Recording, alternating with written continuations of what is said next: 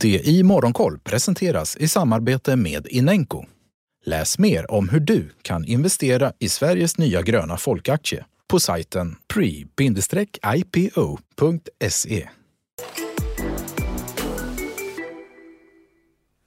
God morgon, det här är DI Morgonkoll den 1 februari. Vi börjar med Tele2 som precis nu kommit med en rapport klockan 07. Där redovisar man en nettoomsättning om 7 miljarder kronor. Det markerar en ökning på 2% jämfört med motsvarande kvartal året innan. Eh, ett ebit DAL som det heter i bolaget landar på 2,4 miljarder kronor. Och vi ska återkomma till Tele2 klockan 07.45 då vi bland annat intervjuar VD Kjell Johansen i Rapportmorgon. Uppåt i Asien under natten, även om eh, Nikkei-börsen stängde lite under dagshögsta. Flera kinesiska börser har dessutom varit stängda med hänvisning till det kinesiska nyårsfirandet. På Tokyobörsen handlade Sony upp 4,5% efter nyheten om förvärvet av Bungie som bland annat gjorde storspelet Halo till den första Xboxen. Den här affären med prislappen på 33,6 miljarder kronor fortsätter en trend av storförvärv inom gamingindustrin. Australiens centralbank RBA lämnade på tisdagen sin styrränta oförändrad på 0,1% Det var väntat. Väntat var också att man ska trappa ned eh, stödköp i landet. Det som var nytt kan man väl säga var lite mer duvaktiga toner om tålamod trots pågående inflation i Australien. Wall Street summerade en stark handelsdag igår, en stark avslutning får vi säga på den sämsta börsmånaden sedan mars 2020. Terminen idag pekar däremot försiktigt neråt nu på morgonen. På USA-börserna Ehm, så steg det breda S&P indexet med eh, S&P 500 steg med 1,9% Spotify steg allra mest, eller bland de, de bästa aktierna, 13,5% uppåt på måndagen efter att ha vidtagit åtgärder, bland annat ett brev från Daniel Ek för att ta itu med kontroversen kring Joe Rogan-podcasten som tidigare anklagats för att ha spritt desinformation om covid-19. Joe Rogan själv gick också ut med en video där han bad om ursäkt och lovade mer balanserade sändningar framöver. Har du också valt att bli egen?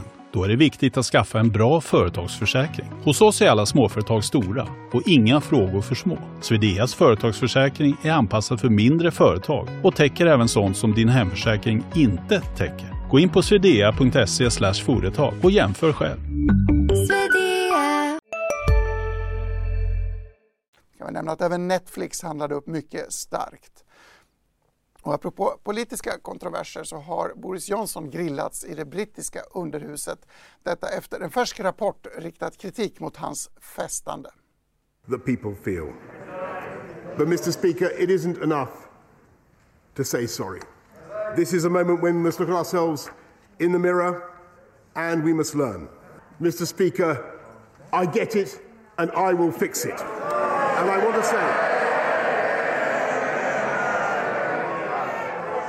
And I want to say to the people of this country, I know what the issue is.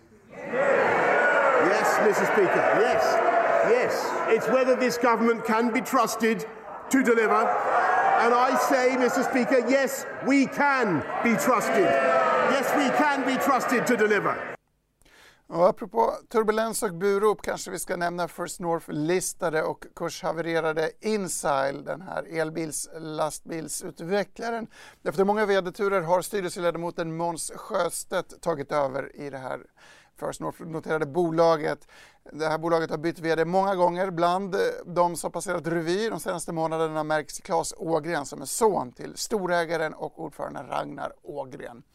Mycket på agendan idag. Förutom Tele2 så väntas rapporter från Lundin Energy, Academedia Hemnet och Nobia liksom Heimstaden på First North. Den schweiziska finanskoncernen UBS har också rapporterat en stark rapport, åtminstone vid en första anblick. Rapportsäsongen fortsätter eh, sedan i USA där vi får bokslut från bland annat ExxonMobil och Stanley Black Decker under tidig eftermiddag. Kom ihåg att Stanley Black Decker är extra intressant mot bakgrund av divisionsförsäljningen av Stanley Securities som är på väg att bli uppköpt av Securitas. Den stora affären aviserades i början av december.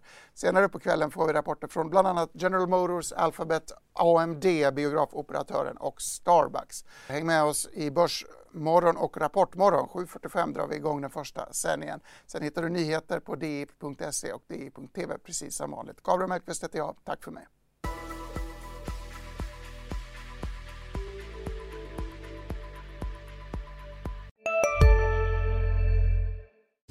Hej, Synoptik här.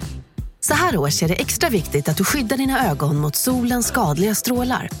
Därför får du just nu 50% på ett par solglasögon i din styrka när du köper glasögon hos oss på Synoptik. Boka tid och läs mer på synoptik.se. Välkommen! CSRD, ännu en förkortning som väcker känslor hos företagare. Men lugn, våra rådgivare här på PWC har koll på det som din verksamhet berörs av. Från hållbarhetslösningar och nya regelverk till affärsutveckling och ansvarsfulla AI-strategier. Välkommen till PWC.